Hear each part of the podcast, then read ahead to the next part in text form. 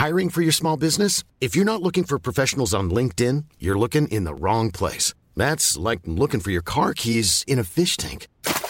LinkedIn helps you hire professionals you can't find anywhere else, even those who aren't actively searching for a new job but might be open to the perfect role. In a given month, over 70% of LinkedIn users don't even visit other leading job sites. So start looking in the right place. With LinkedIn, you can hire professionals like a professional. Post your free job on linkedin.com slash people today. Cool fact a crocodile can't stick out its tongue. Also, you can get health insurance for a month or just under a year in some states. United Healthcare short term insurance plans, underwritten by Golden Rule Insurance Company, offer flexible, budget friendly coverage for you. Learn more at uh1.com. Even on a budget, quality is non-negotiable. That's why Quince is the place to score high-end essentials at 50 to 80% less than similar brands. Get your hands on buttery soft cashmere sweaters from just 60 bucks, Italian leather jackets, and so much more. And the best part about Quince, they exclusively partner with factories committed to safe, ethical, and responsible manufacturing. Elevate your style without the elevated price tag with Quince. Go to quince.com slash upgrade for free shipping and 365-day returns. I can discuss some of the psychological aspects of the case. You've got to get a hold of yourself. Now look here, Johnson, I'm going to get to the bottom of this. I can discuss some of the psychological aspects of the case. And you're really crazy, you know that?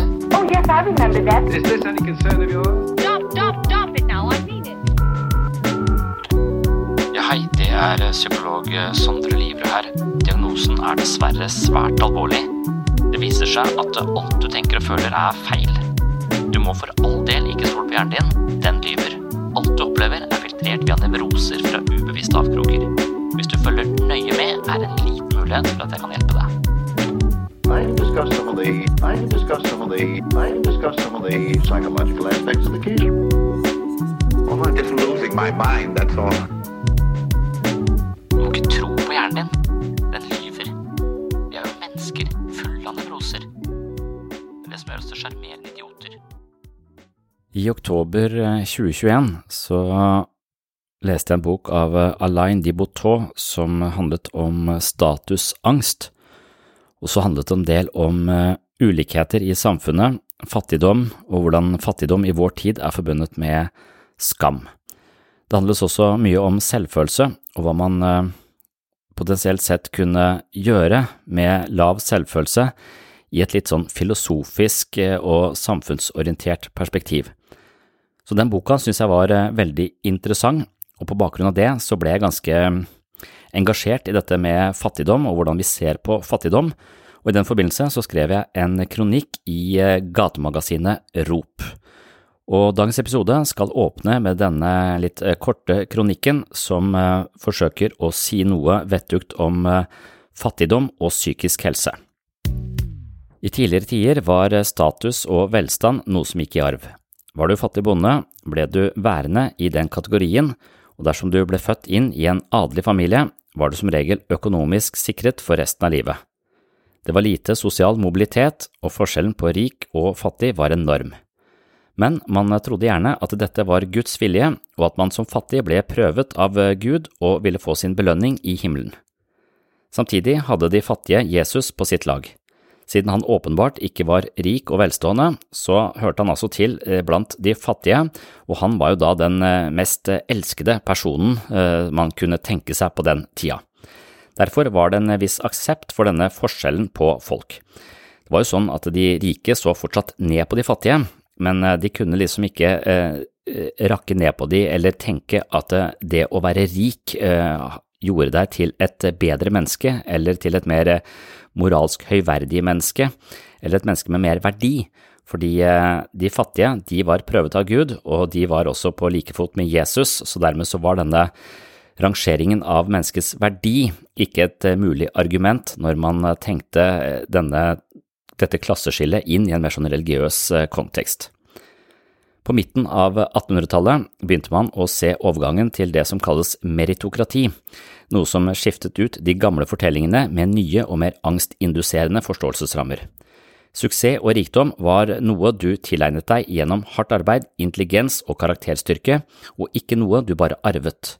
Så hvis du var fattig, var du ikke bare uheldig og prøvet i kraft av Guds uransakelige vilje, Du fortjente faktisk den lave statusen som følge av latskap og idioti. Meritokrati har selvfølgelig sine fordeler. Det tillater folk å foreta klassereiser, og man er mindre bundet av hudfarge, familieforhold, kjønn og alder. Man blir altså bedømt på hva man får til og prestasjonene sine. Men dessverre har det også gjort det å være fattig til noe skamfullt. Når du bedømmes på dine meritter, kan man si, i et meritokrati, så vil du få du vil ta ansvar for eh, suksessen din, du kan ta ære for din egen suksess, men du må også ta skammen for din egen fiasko.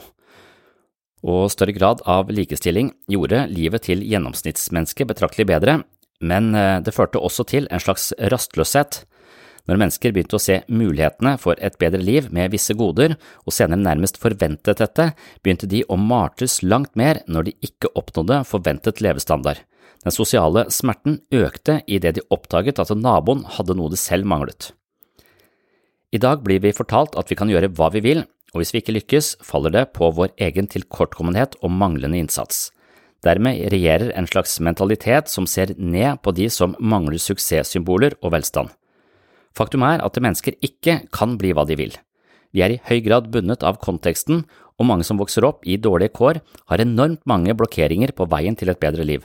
Fattigdom er fortsatt noe som går i arv, men når vi later som om det er eh, den fattige selv sin skyld, så er vi inne i en ganske forferdelig mentalitet som putter en enorm byrde av skam og lav selvfølelse oppå byrden av å være fattig hos de som ikke er spesielt bemidla. Det er forferdelig. I behandling av eh, psykiske plager spiller dette en stor rolle. Mangel på ressurser forsterker omtrent alle psykiske plager man kan tenke seg. Ut ifra det som kalles for emosjons- og behovsteori, kan fattigdom føre til eskalering av ubehag fordelt på fire ulike områder. Punkt 1 er aggresjon, irritabilitet og uvennlighet. Punkt 2 er engstelse, bekymring, indre uro. Punkt 3 handler om depresjon, håpløshet og en følelse av at alt er et slit. Og punkt 4 handler om skam og skyldfølelse. Uten penger er man reelt sett trua på livet, noe som kan gjøre en både forbanna og redd. I tidligere tider var det familien og et større kollektiv som tok seg av de som eh, trengte noe ekstra, mens i vår individorienterte kultur er det økonomi som besørger vår overlevelse, ikke vår tilhørighet i storfamilien. Når man har det vanskelig, og et upersonlig Nav med ulike saksbehandlere besørger månedlige utbetalinger, tror jeg de fleste lever på en viss grad av uro hele tiden, rett og slett en slags uro knytta til overlevelse, altså en form for dødsangst. Når Nav kommer med nye krav og reformer, kan man få søvnløse netter og uavklarte situasjoner, som igjen forsterker skammen, frykten, sinnet og håpløsheten. I tillegg er selvfølelsen vår i høy grad styrt av andres blikk på oss. Hvis noen ikke ler av en vits du forteller, kan det lett få deg til å føle deg dum. Det skal ikke mye til før vi føler oss sårbare og usikre på oss selv. Derfor er det ganske naturlig at vi er engstelige med tanke på vår plass i det sosiale hierarkiet.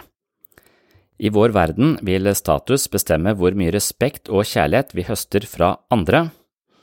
Selv om vi som regel snakker flott og høyt om respekt for alle og likestilling, men likevel så vil altså statusen vår i høy grad være bestemt av eh, den respekten og kjærligheten vi høster fra andre, noe som da sekundært også påvirker hvordan vi ser oss selv og hvorvidt vi kan elske oss selv med overbevisning. Det er som om andre må anerkjenne oss for at vi kan stole på at vi kan anerkjenne oss selv eller tro på oss selv, på sett og vis. Så vi eksisterer eh, i den andres blikk, og det er eh, måten den andre ser på også, som også er medbestemmende på hvordan vi vurderer oss selv og vår verdi som menneske. Det er skadelig å føle seg skyldig for sin egen ulykke, og faktum er at ingen egentlig er det. Hvem som helst kan bli uføretrygda, gjeldsslave, minstepensjonist, enslig forsørger, konkursramma, offer for familievold eller havne i rehabilitering etter uheldige livsvalg og andre omstendigheter. At du er din egen lykkes smed, er en nyliberalistisk vrangforestilling som eh, trykker de uheldige lengre ned i gjørma. Med andre ord er økonomisk trygghet en slags eh, forutsetning for god psykisk helse. Jeg tror man kan drive terapi i hundrevis av timer uten helsegevinst dersom personen hele tiden lever med marginale ressurser, høy gjeld og få muligheter til å takle de sosioøkonomiske aspektene ved livet. I et slikt perspektiv kan jeg forestille meg at eh, fast borgerlønn kunne vært en vanvittig god løsning og et vanvittig løft i den psykiske helsen til de som lever i vanskelige økonomiske situasjoner. Og det var altså fra den kronikken jeg skrev i gatemagasinet Rop, som i jeg tror det kom ut i januar 2022, og handlet da om fattigdom, med en del casebeskrivelser osv. Nå skal du eh, få høre et utdrag fra et foredrag hvor jeg har snakket litt mer om dette med klasseskille i, en, eh, i et historisk perspektiv. Jeg har også snakket litt om eh, sosial angst og dette med statusangst og hvordan disse to tingene hører sammen. Og i utdraget du nå skal få høre, så snakker jeg spesielt om dette med selvfølelse og hvordan vi har en tendens til å sammenligne oss med andre. Og når sammenligningsgrunnlaget med andre blir stadig større, så blir også selvfølelsen vår lidende og det baserer jeg på en formel for selvfølelse som jeg har fra William James. Oh, I'm just losing my mind, that's all.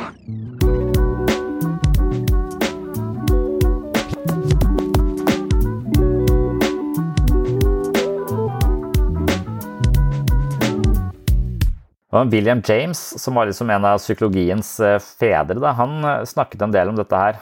Og han mente kanskje at eh, han, han, var han, var interessert i de psykologiske konsekvensene av miljøer med høye eller nærmest ubegrensa forventninger til hva man kunne få til. Så han, han, registrerer jo, selv om han skrev også for, eh, for lang, lang tid siden, så registrerte han at vi forventningene våre øker hele tiden med denne sosiale mobiliteten, hvor det er muligheten til å, til å, få mer, og da også muligheten til å sammenligne seg med andre i mye større grad. Men han, han mente også at, at, folks selvfølelse stort sett ble skada idet de begynte å sammenligne seg med, med mennesker de anså som likeverdige. Så han selv hadde et sånt eksempel, husker jeg, hvor han, hvor han skriver at eh, hvis jeg møter et menneske som kan mer om psykologi enn meg, så føler jeg meg trua, og det vil gå utover selvfølelsen min. Men hvis jeg møter et menneske eh, som eh, kan eh, Platons symposium utenat, fordi de har studert de gamle grekerne, så affiserer ikke det han i det hele tatt, for han har aldri lest gresk filosofi, og har dermed ikke noen hund i den kampen, kan man si. da. Så han mente at vi mister selvfølelse i, i det vi mm, sammenligner med oss med folk vi anser er likeverdige på en eller annen måte. Men etter, etter, hvert som vi får flere og flere sånne arenaer hvor vi Og, og likestillingen blir, eh, blir, mer og mer Altså, vi lever jo i verdens mest likestilte land. Så er det naturlig å sammenligne seg med stadig, stadig flere, da. Og det blir flere områder vi skal lykkes på. Og målene våre blir bare høyere og høyere, og forventningene våre blir høyere og høyere. Så dermed så, så, lagde han denne formelen på selvfølelse, hvor han sier at selvfølelse er lik suksess delt på aspirasjoner. Altså målsetninger eller aspirasjoner. Altså når, når du får høyere målsetninger, og, og, du har flere og større og sterkere ambisjoner, så er faren for ydmykelser, skuffelser og det å føle seg tilkortkommen tilsvarende eh, høyere. Så hvis vi ser på den der eh, ligningen da selvfølelse er lik suksess delt på aspirasjoner, så, så, hvis du har veldig store og, og er veldig ambisiøs, så skal det veldig mye suksess til før selvfølelsen din blir god. Så hvis du har lite suksess, men veldig høye målsetninger, så blir det tallet på selvfølelsen din veldig lavt. Dermed så er nøkkelen da, til et godt liv er å ha veldig få og lave ambisjoner. og eventuelt da lykkes Da trenger du ikke lykkes så mye for å beholde en god selvfølelse. Og folk går jo rundt med denne frykten hele tiden, da, for at det, eh, altså denne statusangsten eh, De er redd for å bli spurt om hva jobber du med og sånn. ikke sant? I hvert fall hvis du er eh, sykemeldt og, og, sliter kanskje med diverse utfordringer i livet, så er mye av den frykten du har, er å møte mennesker som kommer til å spørre deg direkte om hva du driver med. Og hvis du da ikke har noe godt svar, eller hvis du driver med noe som du anser som ikke spesielt eh, attraktivt, da, som å jobbe på butikk Mange vil si ja, jeg jobber der, men det er bare en mellomfase, eller det er bare mens jeg studerer, eller det er bare i påvent. Det, er, det, er, ikke alle som, som, anser det som sosialt akseptabelt. Men det kan jo være at du kan på en måte ta jobber med lavere si, sånn sosial anseelse og når noen spør deg, så kan du slenge formelen til eh, William James i hodet på dem. Jeg har skjønt livet. Jeg har fryktelig lave ambisjoner, og, men lykkes veldig godt med å jobbe i butikk. Dermed er selvfølelsen min jævlig høy. Mens du derimot så går på så store ambisjoner med å lykkes noe sinnssykt for å få en tilsvarende selvfølelsen som det, som det jeg har. Du kan jo finte hele livet og virkelig ta den uh, formelen på alvor. da. Kanskje være stolt av at du, har, uh, at du kan trives uh, i jobber som kanskje ikke folk anser som så ikke har så høy anseelse. Ready to pop the question? The jewelers at BlueNile.com have got sparkle down to a science with beautiful lab-grown diamonds worthy of your most brilliant moments. Their lab-grown diamonds are independently graded and guaranteed identical to natural diamonds, and they're ready to ship to your door. Go to BlueNile.com and use promo code LISTEN to get $50 off your purchase of $500 or more. That's code LISTEN at BlueNile.com for $50 off. BlueNile.com code LISTEN. Flexibility is great. That's why there's yoga. Flexibility for your insurance coverage is great too. That's why there's United Healthcare Insurance Plans. Underwritten by Golden Rule Insurance Company, United Healthcare Insurance Plans offer flexible, budget friendly coverage for medical, vision, dental, and more. One of these plans may be right for you if you're, say, between jobs, coming off your parents' plan, turning a side hustle into a full hustle, or even missed open enrollment. Want more flexibility? Find out more about United Healthcare Insurance Plans at uh1.com. Burrow is a furniture company known for timeless design and thoughtful construction, and free shipping, and that extends to their outdoor collection. Their outdoor furniture is built to withstand the elements, featuring rust-proof stainless steel hardware, weather-ready teak, and quick-dry foam cushions. For Memorial Day, get 15% off your Burrow purchase at burrow.com slash ACAST and up to 25% off outdoor. That's up to 25% off outdoor furniture at burrow.com slash ACAST. Jeg, tror lett man blir litt sånn uh, sosialt rusten når man ikke er uh, sammen med, med, folk. Men jeg tror også man, uh, at det er en slags ja, det er litt sånn behagelig unngåelse i det. For det er vel kanskje denne Det er jo i møte med andre vi hele tiden lærer å kjenne oss selv. Og frykten er vel da hele tiden knytta opp til at vil dette mennesket jeg møter, pumpe helium inn i ballongen min, eller vil de se ned på meg og drenere meg for luft, liksom? Sånn at jeg bare ender opp uh, uten, uten, verdi, og at vi da tillegger andres tilbakemeldinger så stor verdi. Det er uh, ganske trist. Og at vi også i vår uh, verden ofte har materiell velstand som en sånn slags målestokk på hva slags verdi du har som menneske. Det, vi assosierer det med nettopp karakterstyrke, og du er din egen lykkes smed osv. Og det er, jo, det er jo sant at et meritokrati gjør at vi eh, alle har egentlig muligheten til å klatre. Eh, den er til stede i mye større grad enn før, men den er egentlig ikke det likevel. For, for hvis du uh, blir født inn i en familie hvor foreldrene ikke har noen utdannelse og tjener lavt, så er sjansen for at du havner ut på akkurat samme sted jævlig høy. Men fortsatt, fortsatt, så er det en sosial arv der som er ganske sånn determinerende for hvordan, eh, hvordan, vi ender opp.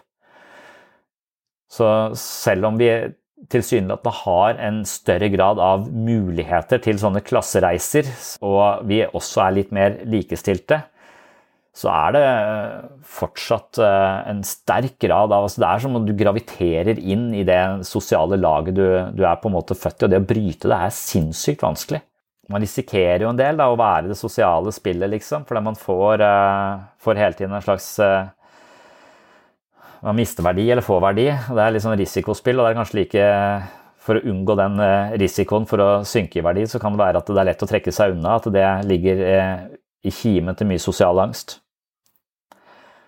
Og han, Alain Dibotaux, han mener at vi, at vi ofte ønsker å bli høyt ansett av sånne folk som selv har høy status, da, og han mener at det er snobber. Så han har en lang sånn avhandling om hva en snobb er. Jeg vet ikke om dere vet hva en snobb er, men, eh, men vi vet det kanskje sånn på Jeg har en slags assosiasjon til det. Men han snakker litt sånn etmyologien i det ordet, da, eh, snobb, for det kommer fra sånn eh, midten av 1800-tallet fra England, fra universitetene i Oxford og Cambridge så begynte de å skrive sin nobilité, eller uten Eller without nobility, altså det betyr uten adel. Så without, eller sin nobilité, altså så forkorta det S, eh, nob, altså det bør snobb.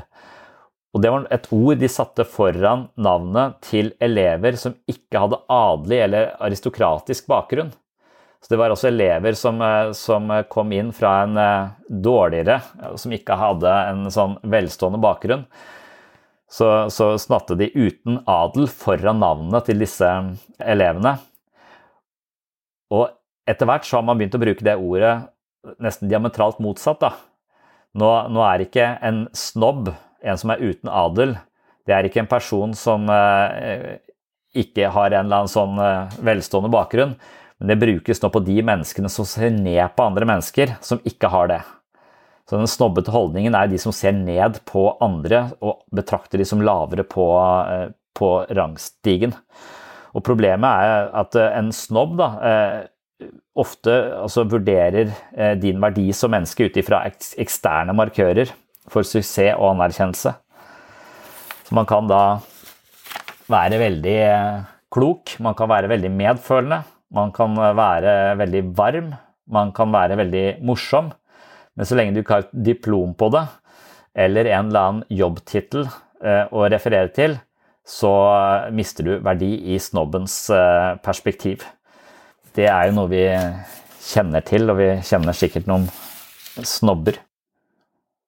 Det er vel frykten for å møte disse snobbene som ser ned på oss, eh, at den sosiale angsten også oppstår. da. Jeg er så dårlig på fransk, men, eh, men jeg vet ikke om det er fransk heller, men eh, sine nobilitate, altså sin nobilité, og så blir det oversatt til engelsk 'without nobility', som igjen blir uten adel. Så en stor grad av eh, sosial fordømmelse fra disse snobbene, det går hardt utover selvfølelsen, selvfølelsen vår. Og da er det den sosiale angsten kommer da i den der eh, vegringa for å nettopp møte den typen tilbakemeldinger. Jeg oppfatter i hvert fall det for min egen eh, sosiale eh, angst, i den grad jeg har det, at det alltid handler om nettopp en frykt for å falle i kurs, men også da en ekstrem opptatthet av meg selv og hvordan jeg skal være for å ikke falle i kurs. Noe som også gjør at jeg ikke har overskudd til å se folk rundt meg i det hele tatt, men jeg er kun opptatt av hvordan de eh, vurderer meg. For det er i deres blikk jeg enten faller eller, eh, eller øker i kurs. Da. Og da må jeg liksom eh, fremføre en god forestilling for å ha noe verdi som menneske.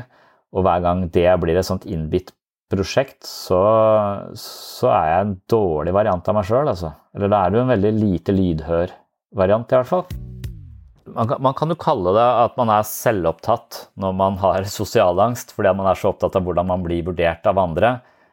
Men man kan jo også øh, kanskje litt mer sånn sympatisk å si at det handler om en, en, slags tvil på min egen verdi som menneske, som de fleste mennesker har. Og at det er en slags febrilsk øh, kamp om å være elsket, nærmest. Altså, og det, det er jo litt sånn barn, altså bitte små barn, de blir jo elska bare fordi de eksisterer.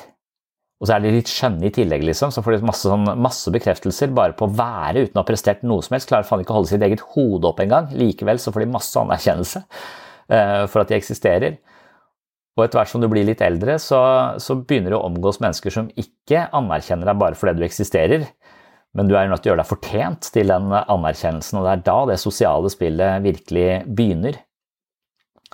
Og hvis det er sånn overfladisk orientert, at det er på status og meritter og, og lønn og tittel og masse sånne ting, at det er det som, som veier tungt, så, så har du eh, masse mennesker som går rundt og prøver å imponere hverandre uten egentlig overskudd til å se den andre. Så det er litt sånn, det er litt sånn stusslig prosjekt. Da. Alle går rundt og prøver å vise seg fram. Og det er ingen som har kapasitet til å se angst gjør oss selvsentrerte, og, men, og den boka til han eh, Boutot, den er eh, en selvhjelpsbok, den også. Så han har også en del sånne forslag til hvordan vi kommer ut av, eh, sosialangsten, eller statusangsten.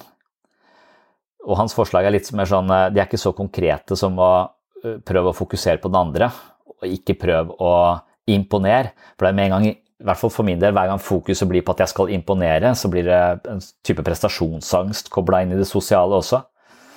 Sånn at jeg, men hvis jeg virkelig går noen runder med meg selv før jeg skal ut blant nye mennesker og tenker at jeg skal ikke prøve å bevise noe, jeg skal ikke prøve å bevise noe, så, så vil jeg kunne gå inn der med litt mer senka skuldre og litt mer overskudd til, til å se, se, andre. Men det er ikke noe lett, syns jeg. Men, men jeg syns de der forslagene til han Botot er litt sånn eh, Han sier f.eks.: hva, hva kan hjelpe oss ut av denne overfladiske statuskampen da, eh, om, om verdi?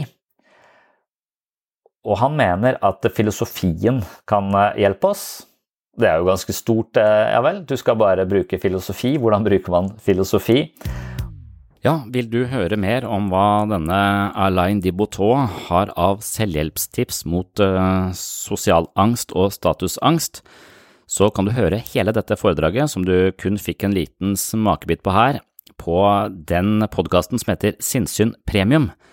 Så på de fleste plattformer nå så skal du kunne søke opp Sinnsyn premium, og der ligger det ganske mange ekstra episoder av Sinnsyn, altså premiumepisoder av Sinnsyn, og de kan man få tilgang på ved å tegne et eh, abonnement.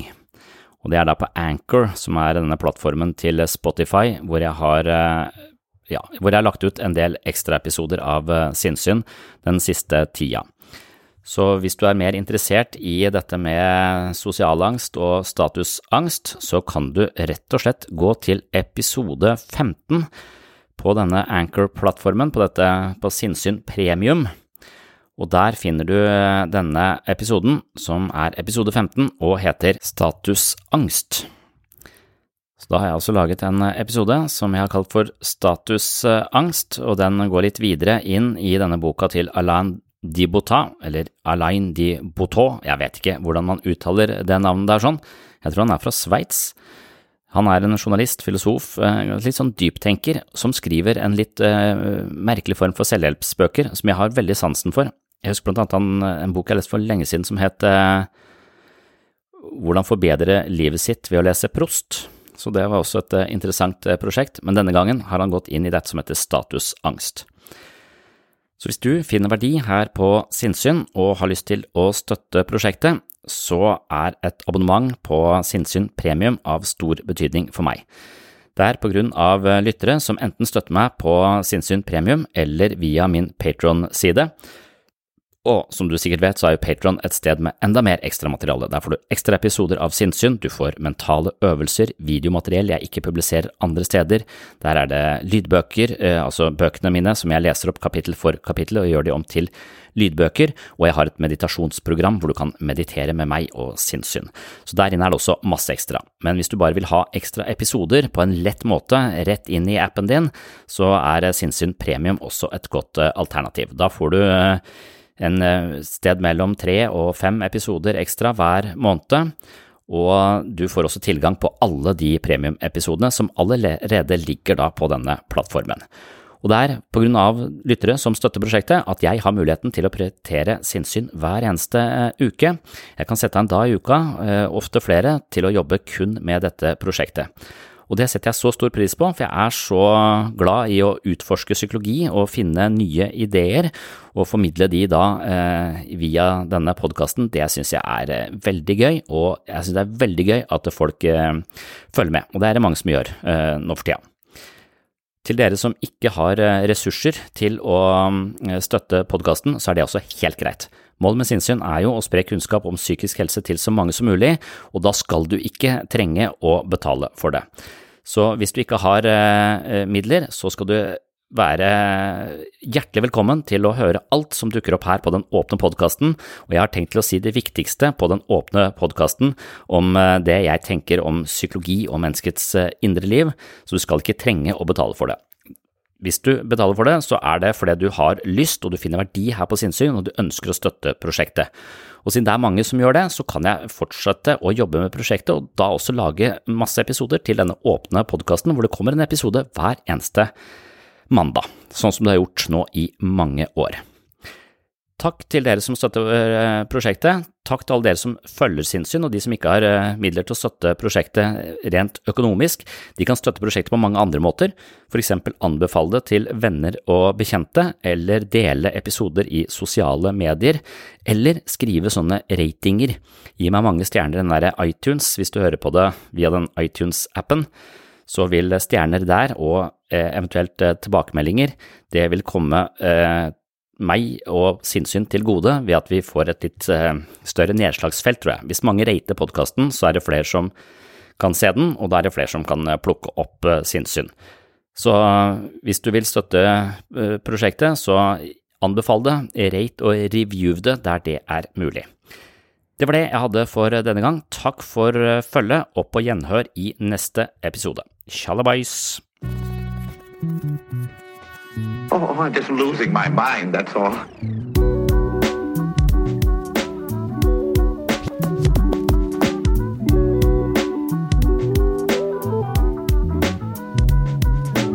I can discuss some of the I can discuss some of the I can discuss some of the psychological aspects of the case. Psycho, psycho, psychological aspects